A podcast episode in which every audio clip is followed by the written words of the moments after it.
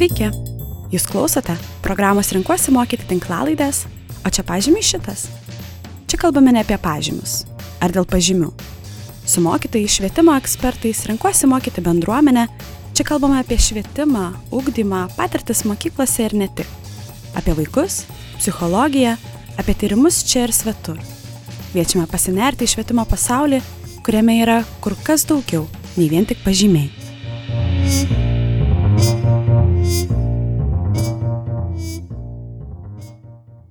Sveiki visi, kas klauso tinklalaidės, o čia pažymi šitas. Su jumis šiandien būsiu aš, Laurinas Kudijanovas, renkuosi mokyti 11 kartos narys ir istorijos ir pilietinio ūkdymo mokytojas. Ir šiandien mes turėsime pakankamai įdomią temą susijusią su nuotoliniu mokymu. Ir nenuostabu turbūt, E, mokymasis nuotoliniu būdu jau tampa tokia kasdienybė, jog tradicinis grįžimas ir darbas mokykloje, ypač vyresnių klasių atveju, dažnai skamba kaip tik prisiminimai. Kaip kokioje mokslinėje fantastikoje, pavyzdžiui, čia bėgančio ašmenimis, ateities perspektyvoje, žmogaus realus santykis su pasauliu slopsta, o vat, interakcija gyvai pakeičiama ekranais, pilnutinė virtualia realybė, o vėliau, ką gali žinoti, gal ir hologramomis. Žinome, čia tik paiki jokai, tačiau Zoomai, Teamsai, mokomieji YouTube video, Kahootas ir kitos vaizdo ir mokymo programos smarkiai įsilieja į mūsų gyvenimą. Kaip mums sekasi perimti šią naują patirtį, kuomet peržengėme dvi COVID bangas, turėjome vasaros atokvėpį ir dabar galime palyginti praėjusių mokslo metų pabaigą ir šiuos besitęsiančius metus? Turbūt niekam nekyla abejonės, e, kad mokymosi proceso piramidės viršūnėje yra nekas kitas kaip moksleiviai. Tačiau turiu tam tikrą įtarimą, jo kartais jie yra šiek tiek užmirštami diskusijų apie nuotolinių mokymo kokybę metu. Kokia yra jų patirtis? Ar jie jaučia nuovargį? Kas labiausiai juos motivuoja dirbti ir judėti į priekį, kai visos pamokos vyksta sėdint prie kompiuterio ekrano? Taigi, norėdamas išsiaiškinti šiuos su nuotoliniu mokymu susijusius dalykus, Šiandien pakamantinėsiu Vilnių Švento Kristoforo gimnazijos šauniuosius gimnazistus Aniką Deikovaitę ir Matą Jeremičių.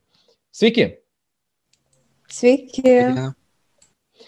Na tai va, tai man atrodo, e, turėsime pakankamai įdomią diskusiją, išgirsime iš jūsų moksleiviai tam tikrą na, nuomonę ir tam tikrą požiūrį į va, tai, kas vyksta šiandien visame pasaulyje ir Lietuvoje apie nuotolinį mokymą ir mokymasi tuo pačiu. Ir viską norėčiau pradėti šiandien iš tiesų nuo tam tikrų prisiminimų ir, ir emocijų apie tą pirmąją bangą nuotolinio mokymo metu.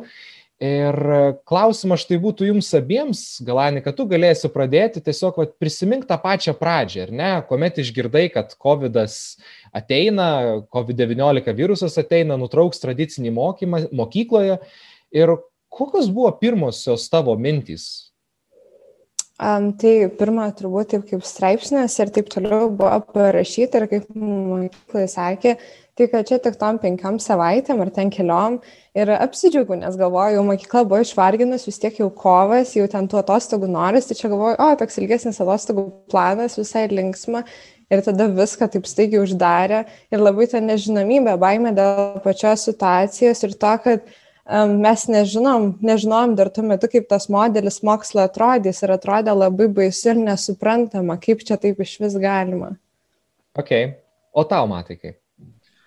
Um, tai iš esmės visai panašiai. Irgi, aš galvau, kad bus taip pat kaip visi praeiti karantinai, kad um, savaitę, dvi pasėdit namie ten, nu, atostogėlės tokios mažos. E, bet aš klydau, aš baisiai, baisiai klydau. ir taip prasitėsi iki dabar mes mokomės vis dar nuotolinio. Tai, jo. Jo, aš iš tikrųjų irgi prisimenu ir kaip pats mokiausi mokykloje, e, buvo tas laikotarpis, kai būna vat, vasaris, kovas, kažkas tokio ir būna ta gripo banga, tam tikra tokia gripo epidemija, jo, ir, ir, ir kažkaip tai mes tai džiaugdavomės, jeigu neapsargam, Ir jeigu išliekame mokykloje ir pasako, na dabar savaitę visi namuose būsite, tai būdavo faina dėl to, kad tuo metu tai nebuvo nuotolinio mokymo ir nebuvo tos tokios alternatyvos mokytis sėdint namuose e, prie kompiuterių, naudojant tas programas įvairiausias, vaizdo pamokas vesti. Tai mums čia būdavo tokios kaip nemokamos atostogos suteikiamos, o vat jūsų atveju, kaip matau, šiek tiek pasikeitė. Visi tie dalykai. Bet čia galbūt iš tikrųjų būtų visai įdomu panagrinėti vieną tokį momentą. Aš nežinau, ar jūs girdėjot ar negirdėjot, bet e, prieš dar vat COVID pandemiją visą, jog pasaulyje e, yra iš tikrųjų jau tam tikra praktika, kuomet mokslas vyksta netradiciniu būdu, ne klasiai, bet ir seniau. Prieš, prieš 10 ir prieš 15 metų vykdavo, pavyzdžiui, Amerikoje e, tam tikros mokyklos, e, žodžiu, pavyzdžiui, Stanfordo universiteto aukštoji mokykla arba ta pati Kano akademija, jos mokė jau ir seniau va, tuo nuotoliniu būdu arba mišriu būdu, kuomet dalis pamokų vyksta klasiai, o kita dalis pamokų vyksta nuotoliniu būdu per įvairiausias programas. Ar jūs asmeniškai girdėjote apie tokius dalykus, kad vat, pasaulyje dar iki pandemijos jau šitai buvo? Jo, esu girdėjus, bet uh, girdėjau, kad kažkur vyksta, bet atrodė, kad tai labai toli nuo mūsų ir kad e, kažkaip mūsų nepaliesti, aš labai ir nesigilinau. Mhm. O tu matai, esi kažką tai girdėjęs šituo reikalu? Nu, įsivaizdavau, kad gal turėtų būti, bet niekada, kad grinai taip, tai ne, nesu girdėjęs. Mhm. Iki, iki Šiaip... karantino.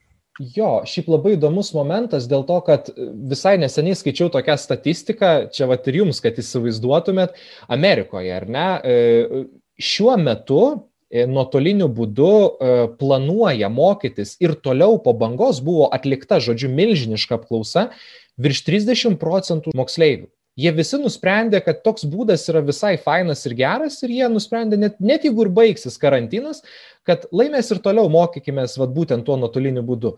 Tie, kurie iki tol to ir netliko.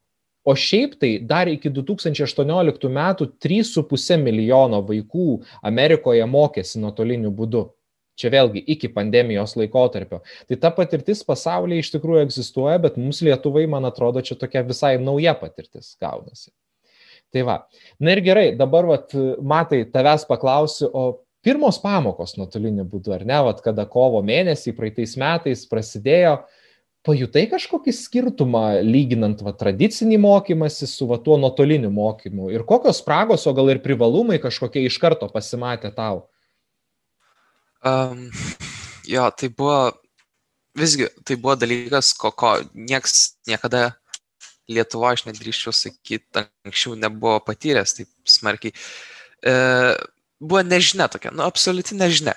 E, mokytai nežinojo, ką daryti, mokiniai nežinojo, ką daryti. Ir, ir mes tiesiog bandėm verstis iš tos situacijos. Kas buvo, kas sunku buvo, tai nežinojo, koks krūvis yra tinkamas. Nes iš pirmo aš prisimenu labai daug krūvio buvo, nes užduodavo ir klasės darbus, ir tada paskui namų darbus, ir, ir tiesiog prie to kompiuterio sėdėdavai, tau tiesiog karšta, veidas visas jau dega jau ir, ir labai sunku buvo. Pradžioj tikrai nežmoniškai sunku buvo, nes nebuvo žinoma jokie m, standartai. Mhm. Jo, čia mat turbūt apie tą naują patirtį, kur tu nežinai, kas vyksta, ar ne, ir tau reikia prisitaikyti kažkaip. O sakyk, vat, Anika, įdomu, įdomu iš tavo pusės, vis tiek, kada prasidėjo tas nuotolinis mokymas, nauja va ta patirtis, nuovargio buvo daug, ar tu jo nelabai pajutai? Mokysi kaip ir mokysi, kaip su nuovargiu? Pradžiai tai nejutau, bet turbūt tas pirmas kokias gal tris savaitės ir tada atsimenu ypač, nes pirmas dvi savaitės turėjom tiesiog atostogų ir mes iškart nesimokėm ir kažkaip tam po tų dviejų savaičių pradėjom mokytis, tai tas įsivažiavimas nebuvo toks sunkus, bet gal dar todėl, kad patys mokytai nelabai, va, kaip matas ir minėjo, žinojo, ką daryti, tai dar mes nedaug visai ant to krūvio turėjom, bet jau tada atsimenu, koks balandžio galas kai visi įsivažiavo ir pradėjo taikyti visas ten 16 taktikų vienu metu, tai jau vat, sėdžiu, atsimenu prie kompo nuo kokio 8 ryto iki 5 vakaro, kur jau akis išvarvėjo ir po to nieko nebesinori, tai buvo baisiausias nuovargis. Ir turbūt tas nuovargis dar kirta ne tiek dėl mokslų, kiek dėl šiaip emocinės būsenos, nes niekur išeiti negalim ir visiems tas toks, e, nu, stresas, iš tikrųjų didelis stresas. Tai va, tai man atrodo šitoje vietoje kaip ir jau aišku ir dabar vat, būtų visai faina prisiminus tą praeitį, tą vat, kovą, balandį, gegužę praeitų metų, na, peršokti į tai, kas prasidėjo vat, naujai, naujuoju mokslo metų etapu, tai yra nuo rugsėjo, spalio. Ir mes tuo metu turėjome visai kitokią tokią patirtį. Atėjome, grįžome į mokyklas ir atrodė, štai viskas vėl grįžti į tas vežes, kurios buvo prieš tai rugsėjis, spalis ir mokyklose daug kur buvo tas mišrus mokymas, kur dalį pamokų tu ateini dirbi mokykloje, o ten dalį pamokų dirbi namuose. Aš jeigu neklysiu, ten būdavo kas savaitę, keisdavosi priklausomai nuo klasės. Kaip jums abiem va toks variantas buvo? Um, man tai atsimenu, čia turbūt buvo pati žiauriausia kankynė, nes tą savaitę nuotolinio Tai jeigu ypač reikia savarankiškai temas mokytis, po to grįžti tą savaitę į mokyklą ir tada visi mokytai, tai mes iš tų temų dabar rašom ir ten, kur vieną dieną penki atsiskaitimai, nes visi mokytai nori viską sutalpinti per tą savaitę ir čia gaudavos vieną savaitę tokias atostogėlės, darau, ką noriu ir tada kitą savaitę tai jau prispaustas jauties, tai man tai labai nepatiko ir jau tada norėjosi, kad arba visiškai vienu būdu, arba visiškai kitų būdų. Galbūt šitoje vietoje irgi buvo problema tame, kad mes nelabai mokėjome ir nežinojome, kas yra tas mišrus mokymas ar ne, metodikos, kaip prie to prisitaikyti, kaip reikia dirbti, tiek iš jūsų pusės ar ne, tiek iš mokytojų pusės. Galbūt va čia toksai buvo vėl naujas dalykas ant Lietuvos padangė štai užšoka ir tu staiga turi kaip spraktelius pirštais prisitaikyti prie viso to. Nėra taip paprasta. Aš pats kaip iš mokytojo pusės galiu pasakyti, kad e, nėra lengva, nors pavyzdžiui įdomus momentas, vėlgi, vakarų pasaulyje, ar ne, vat, kalbant apie mišrų mokymą, tai yra mokslinių tyrimų, kurie rodo, kad tokiu būdu mokantis rezultatai kaip tik tai yra geresni negu mokantis vien tik tai vienu būdu. Bet aš manau, tie rezultatai gerėja tokiu atveju, kuomet jau yra praeiname kažkokį tai etapą, kuomet jau išmokstame tokiu principu dirbti. Tai va tada mes jau turbūt galim ir kalbėti apie gerėjimą kažkokį tai. Jo, e, dabar klausimas būtų toks, ar, ar šiaip jaučiasi kažkokių vat, pokyčių, dabar jau kalbant apie nuotolinį mokymą, nes praėjo tas rugsėjai, spalis ir mes vėl grįžome į full on tą tokį mokymasi nuotoliniu būdu. Jau šiais metais kalbu, man atrodo, nuo lapkričio mėnesio jau kažkur tai visiškai grįžome į nuotolinį mokymą. Toks, koks buvo vat, praeitais mokslo metais jautėsi kažkoks pokytis. Jau geriau buvo negu pačioje pradžioje. Matai. Taip, šimtų procentų. Aš asmeniškai bent jau išmokau namų ir, ir mokyklos gyvenimą. Nes anksčiau būdavo, kad, kad kažkaip kitų namiesi, tas kompiuteris atrodo, nu, jisai nu, nemokslams skirtas. bet, bet, bet dabar supratau, kad nu, reik, kai atsikeli, reikia reik dirbti. Tai va, ir, ir mokytojai, mokytojai suprato, kad e, mes irgi pavargstam, jie, jie suprato tai pagaliau, bent jau dauguma, tai tikrai ir, ir būna, kad mes padirbam klasėje ir jau namų darbam, tai nu, ma, maža kokia užduotėlė, nebent ar dar kažką, nebūna, kad grinai projektai, projektai ir, ir, ir nieko mes čia nedarom tarsi. Tai va, tikrai daug geriau, bent jau man. Tai labai smagu girdėti, kad vat, judėjimas į priekį yra ir progresavimas tą teigiamą linkmę, ar ne, atsiranda bent jau šitoje vietoje. E, aš šiaip įdomus toks palyginimas, vat, matai, gerai, kad tu sakai, kad viskas gerėja, bet vat, buvo visai neseniai atlikta tokia statistika padaryta Vilniaus universiteto, jeigu neklystų filosofijos fakulteto mokslininkų, kurioje buvo apklausinėjami tėvai kaip jiems atrodo, vat, ar ne, ar, ar, ar gerėja tas mokymo, ta mokymo kokybė ir tuo pačiu metu e, klausima, ar jie yra patenkinti vat, naujuoju to nuotoliniu mokymu, kuris va šiais metais vyksta. Tai ten labai įdomiai, vat, pavyzdžiui, kalbant apie pradinės klases, tai 46 procentai apklaustųjų tėvų sako, kad nelabai gerai, 38 procentai progymnazijos progymnazijose besimokančių vaikų tėvai sako irgi, kad nelabai gerai. Tai aš galvoju, gal čia dar labai priklauso ir, ir, ir nuo klasių pačių, gal gimnazijose vienaip, progymnazijose kitaip ir panašiai, tačiau iš tikrųjų diskusijų vyksta, bet aš manau, kad tai yra ir gerai, kad vyksta tos diskusijos, dėl to, kad tokiu atveju tai tada ir judama to gerėjimo linkme ir tos apklausos parodo ir pliusus, ir minusus, ar ne? Ir e, dabar, Anika, tavęs norėčiau paklausti, e, pasvarstyk vat, iš savo kaip mokinio perspektyvos, kokie tau atrodo vat, didžiausi pliusai ir minusai, vat, grinai nuotolinio mokymo? Tai jeigu pradedant nuo minusų, tai Manau, didžiausias minusas tai, kad namų aplinkoje labai sunku prisiversti dirbti, nes labai daug trikdžių. E, ten tai šalituvas, tai telefonas, tai televizorius. Tai tas pats netgi kompiuteris, prie kurio dirbam, tai tengi pilna viso kito, kas įdomiau, ten kokį Spotify pasileis ar Netflix serialą. Tada iš kitų minusų tai, kad krenta mokymosi kokybė, Nes, tarkim, tiksliuosiuose moksluose tai prarandam įvairius laboratorinius bandymus, eksperimentus, menai, sportas irgi nėra ten e, tam tikrų priemonių ir, ir galimybių vesti pamokas taip, kaip jos turėtų būti vedamas. E, kalbose mažiau įvairių diskusijų, technologijos lygiai taip pat e, kenčia. Tuomet dauguma pamokų dabar vyksta tuo online būdu Ir e, tai internetas, tai dar kažkas, e, trikdžiai kažkokie, tai irgi kartais tos pamokos nukenčia ir nebent matas turės kažką papildyti, tai bet aš dar vaką išvelčiu, tai kad praradom galimybę bendrauti, nes mokykla mano manimu ir mano siekiu e, tai nėra vien tik tai sausas mokymasis ir mes praradom tą bendrumą tiek tarp mokytojo ir mokinio, tiek tarp bendrai mokinių. Mhm. O tarp pliusų tai, kad mes ugdom savo savarankiškumą ir po truputį savarankiškai jau mokame pristaikyti ir mums po to bus lengviau, manau. Ir dar tas, kad gal laiko daugiau atsiranda visgi galim pasiskirsti darbus taip, kaip norim, ten nekalbant apie online pamokas, bet jeigu yra kažkokie deadline, tai vis tiek išsiskirstom maždaug kaip mums patogu ir tada lieka daugiau laiko hobiam, dabar kaip po truputį jau atlaisvinimui, tai gal kažkur ir išeiti, tai vad šitiek būtų. Ok, ok, tai matai, ar dar turi kažką papildyti, nes Vatanikas savo gal turėsi kažką. Uh, net nežinau, kaip išpylė viską, kaip žirnus.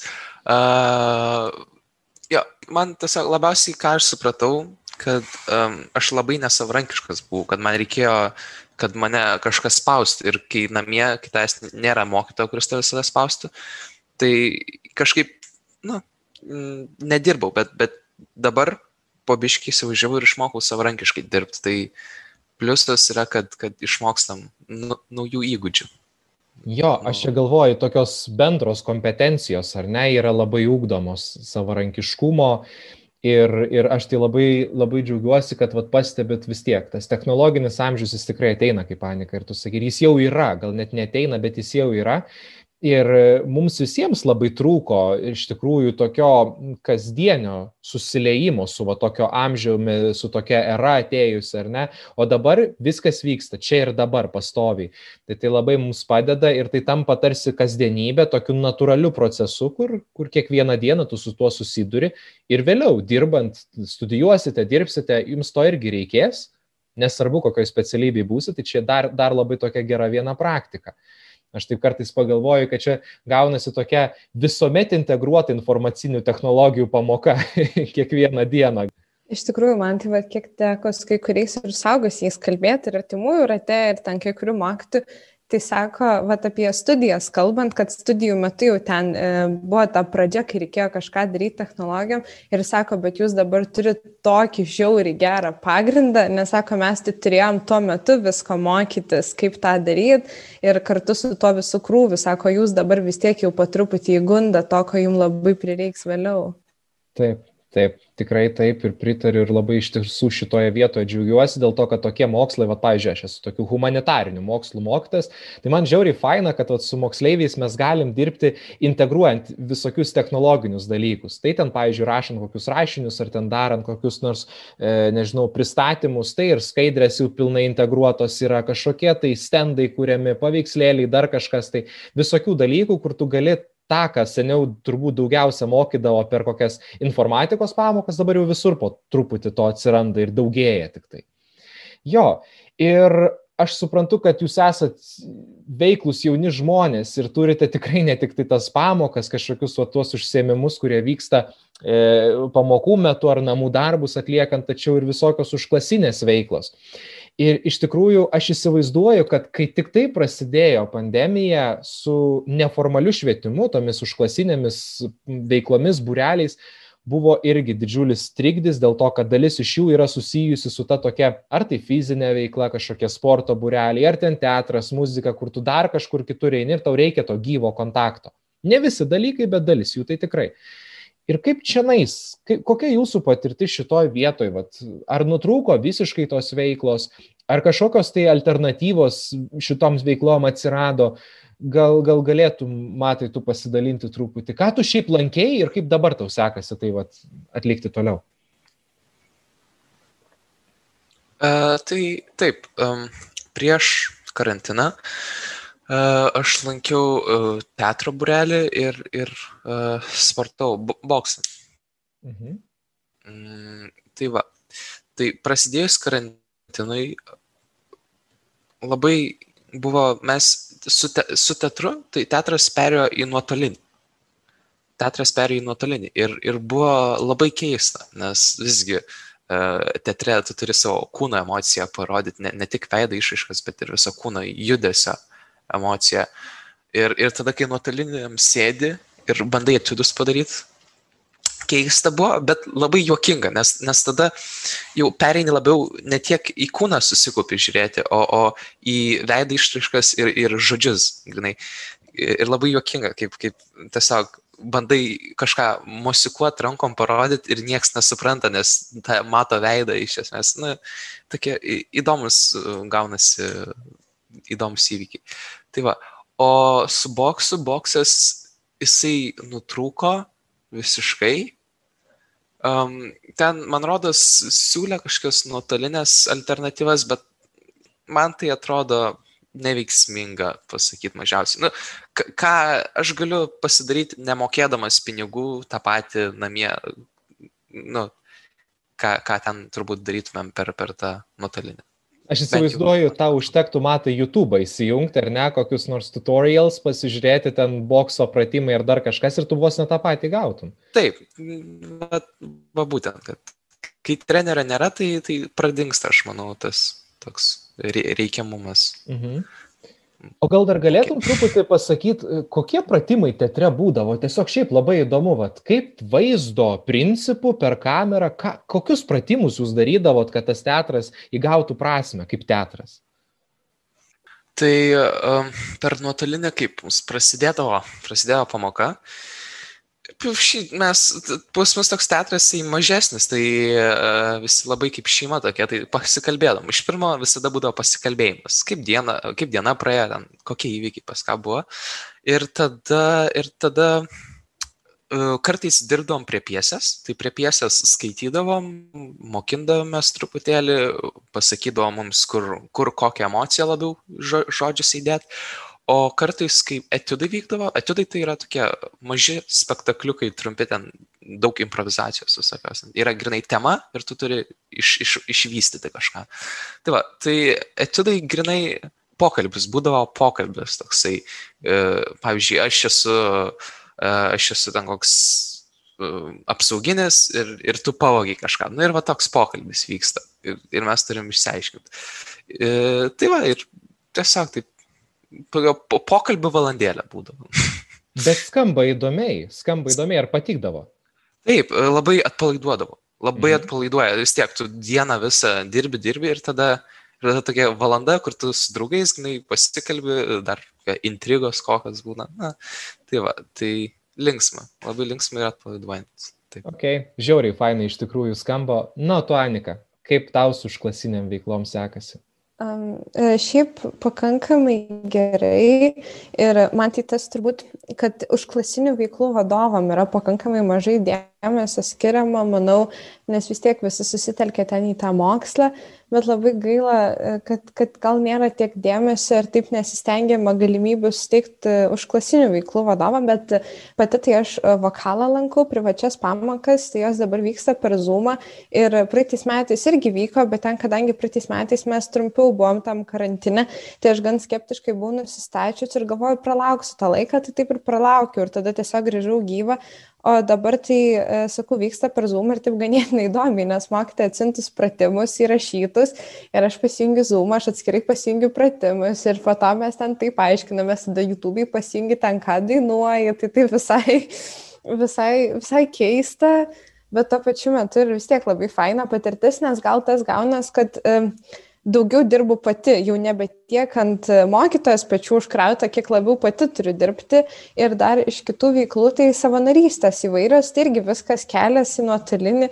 Ir atrodė pradžiai labai nesuprantama man kažkaip, nes vis tiek savanorystė, man yra vis laik tas gyvas kontaktas ten su žmogum, su gyvūnu, kad ir kur tu ten be savanoriautum, tai labai fresh patirtis buvo, nes uh, viskas, susitikimai ten su vaikais įvairūs, tada ten tekstus verčiau, tai viskas eina per nuotolinį ir labai labai faina, net nesitikėjau, kad taip galima, bet visgi, kad ir kaip faina bebūtų, aš pasilieku prie, kai tik atsiras galimybė jau grįžti gyvą, tai aš tikrai neužsisėdėsiu prie nuotolinių. Trūksta tos socializacijos, ar ne? Tikrai trūksta. Jo, e, šiaip dar truputį paklausiu, labai fainas dalykas, va, yra savanorystė ir labai džiaugiuosi, kad tu tuo užsiemi ir labai gera girdėti iš jaunų žmonių, kurie taip įsitraukia tokias pilietinės iniciatyvas. E, konkrečiai galėtum pasakyti, kokias tu, tu tas savanorystės veiklas vykdai, kokiais dalykais užsiemi? E, tai va, jau kaip ir baigiau tą dabar savanorystę, nes perėjau prie kitų veiklų, tai buvo Karitas užsieniečių integracijos centre, Tai uh, turėjom kelis gyvus susitikimus, o po to viskas jau perėjo į nuotolinę erdvę. Tai buvo uh, savaitgaliai, šeštadieniais buvo tokie susitikimai su vaikais ir jie vyko per Zoomą, viskas ten teminės pamakėlės ir aš pagrindė užsiemu tekstų vertimų iš anglų į lietuvių kalbą, tadžiukų bendruomenės puslapiai, o dabar tai pradėjau, įsitraukiau į savanoriškos jaunimo organizacija, ten kažkaip šitai vadina, dabar tikrai neatsiminsiu, to jų trumpinio, tai ten, žodžiu, kur duoda stojimo balą universitetui, po to tą savanorystės tai išsirinkau į mo muziejų savanoriauti. Tai dabar dar kol kas vyksta tik ta dalis, kur mums ten siuntinėja laiškus ir dar prie visur ten prisijungti, viskas, tai žiauri daug informacijos. Bet grįžtam prie to, kad sakau ir noriu gyvą, tai jau pradėjau savanoriauti gyvai galerijoje, tai yra Contour Art Gallery. Tai jo, tai jau gyvai po truputį ten keliom valandom, aišku, ten skaukiam viskas taip toliau labai griežtai ir atsargiai, bet man labai patinka, kad jau, jau ir gyvai vyksta. Taip, čia jeigu neklystų prieš kelias dienas, ar kaip jų ten ir atlaisino, kad ir lankytojai taip, gali eiti. Visai neseniai, nuo kovo 15. Mhm. Nu, tai žiauriai faina, kad tu va taip va įsijungi šituos dalykus, įsitrauki į muziejų, galerijų atgyvinimą, kaip sakant, pagalbą. Jiems tikrai to dabar labai labai reikia. Tikrai labai reikia ir labai reikia iš tikrųjų žmonių, e, ne tiek darbuotojų, bet va savanorių. Ir labai dabar e, žmonės dirbantys labai džiaugiasi galerijose, ten vadovai ir taip toliau, nes vis tiek žiauri didžiuliai nuostoliai ir labai, labai faina, kai yra žmonių, kurie eina savo norų, kuriem nereikia mokėti, nes vis tiek yra tikrai už ką susimokėti dabar, reikia ten tuos pinigus atgauti ir faina, kai yra kažkas, kas tiesiog eina. Tikrai taip. Na kažkaip aš iš jūsų girdžiu, kad e, neformalus švietimas ir galimybės kažką veikti po pamokų, jos egzistuoja ir visai neblogai, bent jau didžiaja dalimi ir daug tos tokios improvizacijos, alternatyvų, kūrybiškumo, ar ne, kaip tai galime paveikti ir, na, ką galime nuveikti ir padaryti. Tai aš, aš kadangi pats šiaip esu daugiau toksai sėdintis žmogus, mėgstantis visokias paskaitas paklausyti panašiai, aš pasidomėjau šiek tiek, va, o kaip va, su tokiais vaikais, kurie kaip aš, va, mėgsta e, išklausyti kažkokius akademinius dalykus su mokslu. Tai pasižiūrėjau, kad, va, pavyzdžiui, Lietuvos mokinių neformaliojo švietimo centras pastoviai organizuoja visokias ir paskaitas, ir, ir pamokėlės papildomas. Čia, va, pavyzdžiui, prieš porą dienų vyko paskaita apie miegapelės. Įsivaizduokite, net iki tokios smulkmenos apie gyvūnėlį ir apie jo gyvenimą 30 minučių paskaita, laivas per Facebooką, laivas per YouTube. Vaikai jiems tai reikia paspausti patinkantų puslapių ir jie jau gaus galimybę, vad po pamokų, jeigu nori dar kažką, tai paklausyti ir pasidomėti. Čia iš tokios dalykinių žinių įgavimo per vad neformalų švietimą. Tai iš tikrųjų, vad tų galimybių yra ir labai faina. Ir tiesa, Anika, kiek žinau, tu esi vis tiek mes mokomės ir dirbam toj pačioj mokykloj, esi Vilnių Švento Kristoforo gimnazijos moksleivių tarybos pirmininkė, ar ne, o Matas yra tarybos narys.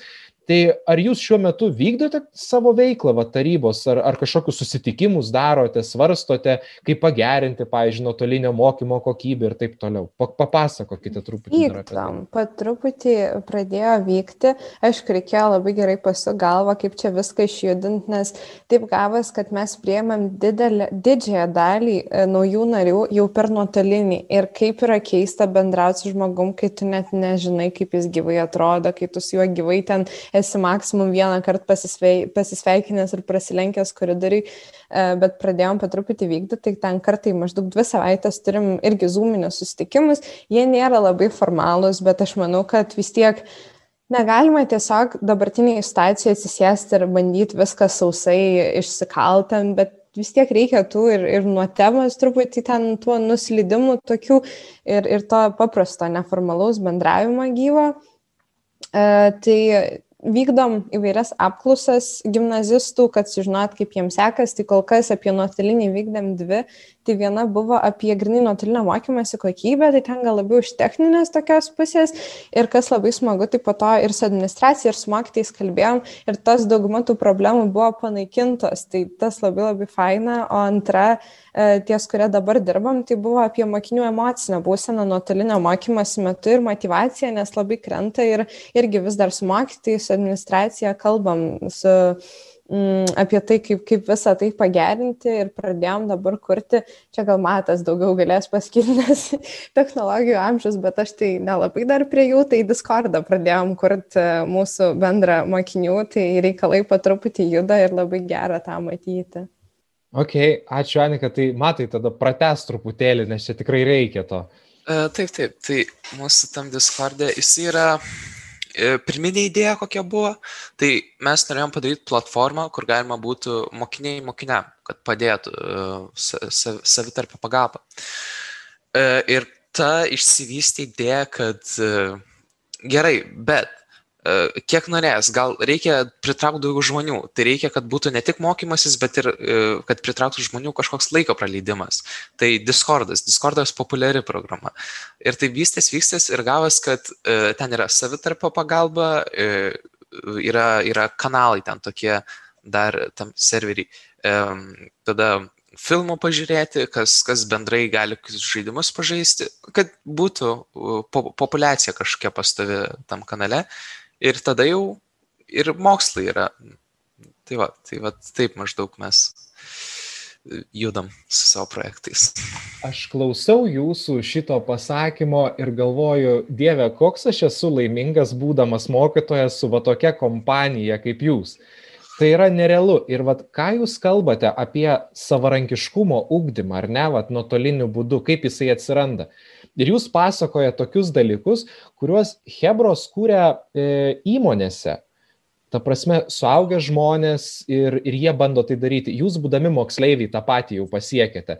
Tai va čia tas savarankiškumas jums tokį duoda galingą impulsą veikti, ar ne, vad ką jūs įgyjote per tą savarankiškumą. Tai čia turbūt visgi šiek tiek reikia padėkoti tam nuotoliniam mokymui, dėl to, kad įdomu iš tikrųjų, kaip būtų, jeigu tik mokyklai būtų. Gal aš klystu, gal būtų tas pats, aš nežinau.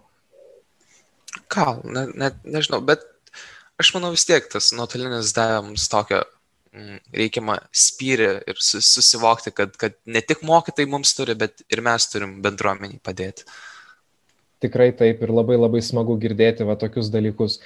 Tai ką, dabar aš norėčiau taip pereiti prie tokios paskutinės dalies ir, ir labiau, vat, da, dar labiau išgirsti jūsų balsą tam tikrais sprendimais, dalykais, kurie, kurie rūpi, sakykime. Ir visgi yra kelios pagrindinės problemos, vat, apie kurias jau ir Anika ir tu matai, jūs jau užsiminėte šiek tiek, tiesiog dabar dar praplėskime juos. E, kalbant apie vat, pandemiją ir nuotolinį mokymą, tai yra nuovargis. Labai labai svarbus dalykas, tai yra kaip mes tvarkome su tuo nuovargiu. Ir aš tikiu, kad vienaip ar kitaip mes kiekvienas kažką tai darome su tuo, nes kitaip neįmanoma. Vienam galbūt užtenka tiesiog daugiau pamiegot, kitam galbūt reikia sportuoti, kitam dar kažką. Kokias jūs strategijas taikot, kad vat, galėtumėt patarti ir kitiems, kurie galbūt šiek tiek nežino, ką reikia daryti, bet jaučia, kad reikia kažką tai veikti dėl to, kad bus blogai. Tai matai, gal tu pradėk, Anika, tu galėsi irgi papildyti, uh, Gerai, tai pirma, pirmas, pirmas karantinas buvo man sunkiausias asmeniškai. Man, man tas perėjimas buvo nežmoniškai sunkus, aš, aš nesusitvarkiau iš tikrųjų su juom. Ir kas man padėjo su jim, nes buvo toks ir žmonių, man trūko žmonių, aš esu, aš esu labai uh, ekstravertiškas ir, ir man reikia bendravimo. Uh, ir man trūko žmonių, man sunku buvo pereiti, susitvarkyti. Ir tiesiog visos tos problemos ėjo viena ant kitos ir man tokia uh, buvo momentas, gal kokį mėnesį, nežinau, uh, kas vadintų depresiją, aš vadinčiau didesnių liudesėlių. Uh, ir, ir, bet aš su tom susitvarkiau, aš susitvarkiau su tom per mm, kvepavimo pratimai visų pirma buvo, kas man labai, aš atradau juos labai jie padėjo, kaip grinai, tai jeigu tau stresas, tiesiog trumpai greit kvepavimo pratimas ir nusiramina.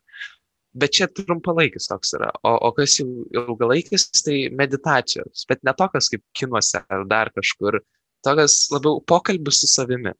Atsisėdi, užsimerki, tada nusiraminė ir, ir tada tiesiog visos mintis, kurios eina, tu jas priemi ir, ir tu atsakai savo visus klausimus. Kodėl tu dabar liūdnas esi? Kas dabar negerai? Kur, ką tu gali išspręsti? Tiesiog taip, toks jausmas, nu, tiesiog pokalbis su savimi. Aišku, kažkas galėtų pasakyti, išprotėjęs žmogus, kalba su savimi, bet aš manau, tai yra labai geras būdas um, išspręsti savo, savo problemas visas, išanalizuotis. Mm, žinok, matai, net ir patys kiečiausi pasaulio psichologai žino, kad refleksija ir atsakymų į klausimų kelimas pačiam savo, tai yra viena iš geriausių metodikų pradėti tvarkyti su, su, su tam tikra, na, vadinamu tavo didesnio liūdėsėlio emocijomis, kitomis ir panašiai. Iš tikrųjų, tai yra labai labai vertingi dalykai. O tu, Anika, ka, kaip, kaip tau sekas ir ką tu darai, kai vat, nuovargis užplūsta? Jo, tai e, šiaip visų pirma, tai turbūt yra svarbiausia pasakyti savo, kad yra normalu pavarkti ir leis savo pavarkti, nes dabar labai daug iš tikrųjų mačiau visur socialiniuose tinkluose tą vieną frazę, kad karantinas nėra produktivumo maratonas. Nes per karantiną kažkas žmonės prisirenka ten, išsikelia kažkokius wow tikslus, kad tipo čia va turiu daug mėnesių, tai aš čia per juos ir aš perėjau tas visas fazes, kur fazė, kad aš pradėsiu sportuoti, nes puikus laikas, kada jeigu ne dabar, fazė, kad aš ten uh, pradėsiu, meditacija labai geras dalykas, bet pas mane jau buvo ten šiek tiek kitas levelis, kur ten visas tas spirituality ir taip toliau, tai tada ten tos visos fazės, ten gaminsiu valgyti fazę, dabar tapsiu kulinarė, ten pradėsiu groti instrumentų, žodžiu, visą šitai. Ir, ir turbūt vad svarbiausia yra tas sustoti ir suprast, kad aš neprivalau, aš tiesiog privalau iš tikrųjų per šitą laikotarpį išlikti gyva ir sveika, turbūt tas svarbiausias dalykas, tai labai pritariu viskam, ką Matas sako, nes irgi tą patį taikau, bet šiaip, kad ir kaip nuvalgia, tai beskambėtų, bet tokie dalykai kaip išeiti lauką, paskambinti draugui, galbūt pažiūrėti kokį serialą, kartais savo tiesiog leist, e, nedaryti tam visų darbų vienu metu, bet atsidėti ir tiesiog leist savo patinginiauti, paprasčiausiai nait pagulėti ir atrodo nieko neveikti bet kaip ir sakiau, pripažint, kad aš esu pavargus ir man tiesiog reikia šiuo metu šiek tiek pabūti su savim. Super. Aš galvoju, vad klausau tavęs, Anika, ir matai, kad tu sakei, šitos patarimus, jeigu ką, aš manau, gali ne tik tai kiti mokiniai, bet ir mokytojai kai kurie paimti, nes ir jiems... Jo, nuovargio irgi būna labai daug ir aš pats irgi įsiklausysiu tai, ką jūs sakote ir jeigu kažko vat, iš tam tikrų dalykų netaikiau, vat, pavyzdžiui, apie kvepavimo pratimus, aš esu nemažai girdėjęs, teko keliuose seminaruose su kitais mokytojais, tiesiog iš ryto tai pabandyti daryti, bet taip, kad e, nuolatos to daryti nesubandęs, tai vat, pabandysiu šitą bent jau. Vat iš jūsų perimsiu irgi kažką tai, kas, kas galbūt galėtų padėti iš tikrųjų. O, bet be nuovargio yra dar vienas dalykas, kuris man atrodo irgi labai labai yra svarbus, tai yra e, mokymosi sėkmė.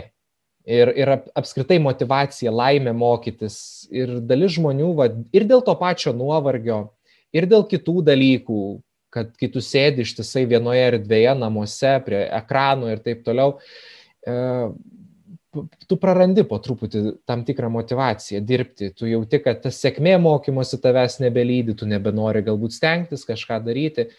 Tai kas geriausiai padeda, vat, pavyzdžiui, tau matai, tvarkytis ir būti, tvarkytis su šituo reikalu ir išlikti vat, sėkmingu, kad mokslas tau teiktų ir laimę, ir džiaugsmą? Gerai, tai um, aš tuomet grįšiu vėl um, prie pirmojo karantino, sakau, ten daugiausia problemų pas mane buvo. Tai buvo, kad aš mačiau, kad aš galiu išvengti darbų. Aš, aš supratau, kad mokytai ne visi visada patikrins. Ir aš galvoju, hm, gerai, nesimokysiu tada labai. Ir aš labai ten ypatingai nesimokiau. Ir, ir tiesiog kažkaip nesimokai vieną dieną, antrą dieną nenuini ten kokią pamoką ar dar kažką. Ir tada taip gaunasi, blemba jau nebuvo ilgą laiką, jeigu dabar va ateisiu, o kas dabar bus, va, dabar nieko nežinosiu. Na nu, ir tada taip žemyn, žemyn, žemyn, žemyn, žemyn, žemyn. Uh, bet kas mane ištraukė iš to, tai buvo uh, rusų mokytoja, buvo labai stiprus spyris į šikną, kai vasarą man reikėjo eiti į, į mokyklą ir mokytis. Ir man buvo gėda, man tiesiog buvo gėda prieš, prieš mano klasiokus, prie, prieš tėvus. Uh, čia buvo didžiausias, kas mane taip privertė supras, kad um, truputį, truputį susi, susivariau. Um, tai, va, tai po to po, po, tos, po to gėdingo tokio įvykio pavasaras uh, jau šį karantiną aš pa, jau buvau patyręs, tai aš nebenorėjau daugiau niekada patirti. Ir, ir aš supratau, kad aš mokus, vis tiek, kaip mokytai visą sako, mokaisi savo. Pagaliau tai supratau. E, tai va, ir, ir nuo to laiko aš tiesiog suprantu kiekvieną kartą, kai, blemba, aš šiandien labai tingiu, nenoriu pamokas, tada prisimenu tą, tą epizodą visą. Ne, gerai, naisiu. Tai va žodžiu, savo patirtis, ar ne, privedė prie tam tikrų suvokimų, ar ne? Jo, iš tikrųjų, aš irgi labai pritariu tau, kad tu sakai ir, ir ačiū tau, kad ir pasidalini tokiom iš tikrųjų patirtimis, nes tai yra labai svarbu, nes kiti žmonės dažnai gal to pri, prieš žodžiu, kažką padarydami ir neturėję patirties, jie gali nesuprasti, ko, kokios bus pasiekmes vienokių ar kitokių dalykų. Tai išgirsti iš kito žmogaus ir pasinaudoti tą patirtimį ne per save, bet per kitą čia yra aukštesnis pilotažas. Žinoma, ne visiems galbūt tai pavyksta, bet aš viliuosi, kad kai kas išgirs ir tikrai, ir tikrai susimastys šitoje vietoje. Aš tai pavyzdžiui pats esu girdėjęs ir skaitęs vat, ir Lietuvos moksleivių sąjungos puslapyje, ten yra dabar tokia sukurta kaip ir sekcija klausimų, vat, ką daryti vienokiais ar kitokiais dalykais, ar ne? Ir čia buvo vat, su ta mokymosi sėkme. Klausimas, aš prarandu mokymosi motivaciją, nebejaučiu noro to daryti ir panašiai. Tai ten labai panašų dalyką jie irgi akcentavo, kad tu matai pasakėjai, kad na, reikia visuomet prisiminti kodėl kiekvienas ar kitas dalykas yra svarbus. Žodžiu, prasme jo surasti iš naujo tam tikrą prasme, nes galbūt mokykloje tą prasme ten vietos bendruomenė, mokytojai, tu dirbdamas kažkaip jinai savaime egzistavo, kai tu lieki vienas, tau tarsi vėl reikia grįžti prie jos ir apie ją pagalvoti. Tai vad, o šiaip apie pratimus, vad, kaip pagerinti mokymosi sėkmę, aš jums vieną tokį pasakysiu, gal ir klausytojai vat, išgirs, man jisai fainas pasirodo ir aš žinau, kad yra žmonių, kurie ją taiko ir tikrai jiems labai padeda. Jis, ji vadinasi pomidoro technika. Aš nežinau, ar teko ar neteko girdėti, bet toks labai fainas dalykas. Esmė tokia, kad reikia e, suvokti, kad dalykas, kurį tu mokaisi ir kurio tu neužbaigi, jis geriau įsidėmi negu tas dalykas, kurį tu pradėjai ir pa, pa, pabaigai iki galo. Čia toks momentas, kaip serialuose yra neužbaigta mintis, tokie cliffhangeriai kurie lieka ir tau dėl to yra noras sužinoti, o kas bus toliau, toks testinumo momentas. Tai ką pataria mokslininkai, kad padirbkite 2-5 minutės, Tada penkias minutės pailsėkit, darykit bet ką, kas būtų, nežinau, nesusiję su tuo dalyku, kurį jūs mokotės. Per tas penkias minutės, kadangi jūs neužbaigėte daryti to, ką darėte prieš tai, jūs apie tai vėl mąstysite, galvosite kažkiek tai ir po tų penkių minučių, kai vėl prisėsite pasimokyti, jums daug geriau įsidėmės tie dalykai, kuriuos jūs mokėtės vat, prieš tas penkias minutės. Ir tokią techniką kai kurie taiko ir jiems labai padeda. Jie geriau įsidėmi, jie nori ir galvoja, kad reikia dar pasimokyti, nes aš noriu žinoti, kaip bus toliau ir taip toliau ir taip toliau. Tai čia vėlgi, galbūt ne visiems tai veikia, bet pabandyti galima jų.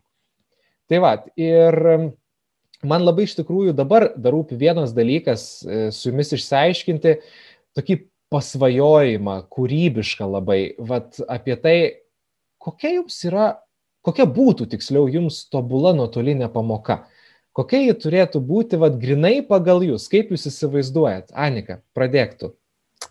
Ok, tai turbūt visų pirma, tai kad pamoka būtų be jokių pykčių ir priekaištų ir kur mokytojas įsiklausė mokinį ir mokinys į mokytoją. Ir labai kartais trukdo tas, kad pamokose labai mokytojas užduoda, pavyzdžiui, klausimą ir tokia tyla, nes niekas nedrįsta, atrodo ir nėra įsitraukimo, bet to įsitraukimo labai norisi, nes kartais užtenka vienam mokiniui kažką pasakyti ir tada visi savo mintim dalinas. Um, noris turbūt, kad mokytojas tiesiog paklaustų, kaip sekasi to tokio paprasto bendravimo Ir aišku, iš e, grinos mokymosi pusės, tai vis tik mokytis yra įdomiau, man bent jau per kažkokį kūrybiškumą, tai ar tai per filmą, ar per skaidrės, ar kažkokias daugiau tokias savarankiškas užduotis. Ir tada pabaigoje labai svarbus dalykas uh, yra refleksija ir mes va su mokinių taryba tai tą mintį ir savo net um, mokytojų tarybai kaip ir uh, perdavėm, tai kad uh, mokytojai pradėtų naudoti reflektus programėlę, tarkim, kur galima būtų tam tikrus klausimus užduoti, nes reflektuodami vis tiek mes pamatom savo didžiausias spragas ir iš tikrųjų labai gerai galim kritiškai įsvertinti savo savo darbą. Tai va, tai iš manęs būtų tiek. Ok, labai labai geri ir faini pastebėjimai ir dėl refleksijos, ir dėl programėlės reflektus. Čia nepaslaptis renkuosi mokyti visą bendruomenę, kuria ir prisideda prie šitos programos populiarinimo. Tai žiauriai faina man kaip tos bendruomenės narių girdėti, kad ir mokinių tarpe štai jau jie yra žinoma ir, ir, ir, ir, ir sakykime, bandoma jau ją prastumti, kad judėtų į toliau. Nu, tu matai, kokia tau būtų tobula pamoka? Labai jokinga, nes labai panaši. aš kaip aš galvojau, aš galvojau labiau apie efektyviausią pamoką. Tai kaip aš įsivaizdavau, tai būtų e, na, išdėstama tema, sakykime, būdų yra daug dėstymo, nuo, įvai, nuo paprastusio kalbėjimo, bet, bet aš manau, turėtų būti pokalbis labiau. Aišku, nuotoliniu būdu tai sunkiau užgauti tą pokalbį, ne visi nori kalbėti, bet čia būtų tobuliausia. Ir tada po pamokos uh, refleksija, įsivertinimo užduotis. Uh, irgi čia buvo mano, mano tokia įsivertinimo užduotis, uh, kad jo, pamatyt, kur, kur tu neprisimeni, ką tu prisimeni, ką tu gerai įsisavinai. E, tai labai panašiai kaip panikos, aš manau. Tai va tiek. Ok, ok, aš jūs girdžiu aš jūs girdžiu ir, ir aš tikiu, kad ir daugiau mokytojų jūs irgi išgirs šitoje vietoje ir atkreipsi tai dėmesį, nes e, galbūt žodis tobuliausia nėra pats tinkamiausias, ar ne, bet bent jau progresas, judėjimas link to va, tobulumo kažkokio yra labai labai labai svarbus. Tai gerai, pabaigai. Paskutinis dalykas, kurį aš norėčiau su jumis aptarti ir kuris man labai rūpi, Šiaip, vat, kokių bendrų patarimų galėtumėte iš savo, kaip, vat, man atrodo, jūs esate svarbiausia švietimo sistemos sudedamoji dalis mokiniai. Tai iš tos vat, pusės, kokių patarimų jūs galėtumėte duoti, kad bendrai pagerėtų švietimo kokybė vat, nuotoliniu būdu? Anika, kaip, ta, kaip tu manai? Okay, tai uh, turbūt man svarbus dalykas vat kaip iš mokinio perspektyvos, tai yra tam tikro kūrybiškumo pasitelkimas, kad mokymasis, laužyti stereotipą, kad mokymasis yra tik sausa informacija. E, tada kitas dalykas, tai turbūt priimant naujovės sprendimus, čia tik moky, tiek mokyklos bendruomeniai, tiek bendrai gal e, Vilniaus miesto mastu, nežinau, labai aišku, čia taip žengiam didelį žingsnį, drąsiai labai sakau, bet norėčiau, kad atsižvelgtų labiau į moksleivių nuomonę, nes dažniausiai mes su tais sprendimais jau esame supažindinami, jau kažkokiam dokumente čia jau įvesta, jau patvirtinta ir maždaug jūs nebeturit jokios galimybės pasireikšti ir kartais vis tiek tie sprendimai sprendimai būna priimti labai neatsižvelgiant į mūsų poreikius, o tiesiog tai, kas jiem atrodė tuo metu tinkama. Ir taip pat empatijos labai norėtųsi ir komunikavimo, tai kad e, mes irgi esam žmonės ir mes kaip mokiniai, mokytojai vis tiek dėsto ten, tarkim, apie, na, kai kurie mokytojai, tarkim, dėsto du dalykus. Čia, va, taip pagalvojus, tai du dalykai. Mes mokomės tuo tarpu daugiau nei dešimt dalykų, apie dešimt dalykų.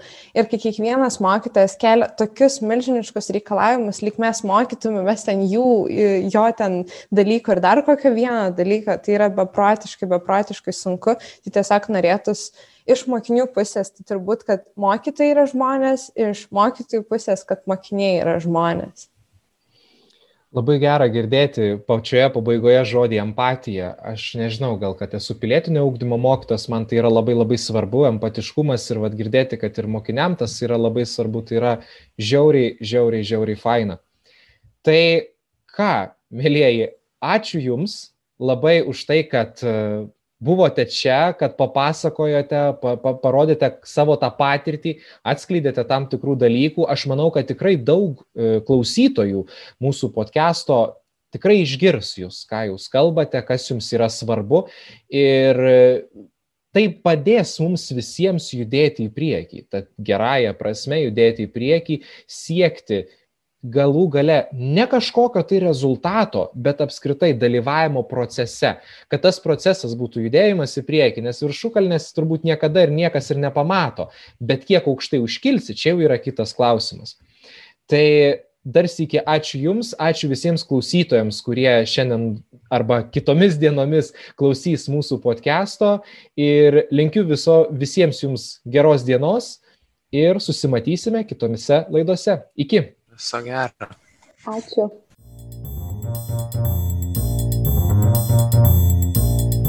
Ačiū, kad klausėte. Tikimės, kad praleistas laikas kartu jums buvo naudingas ir įdomus. Norime tobulėti ir atrasti tai, kas aktualiausia jums, mūsų klausytojai.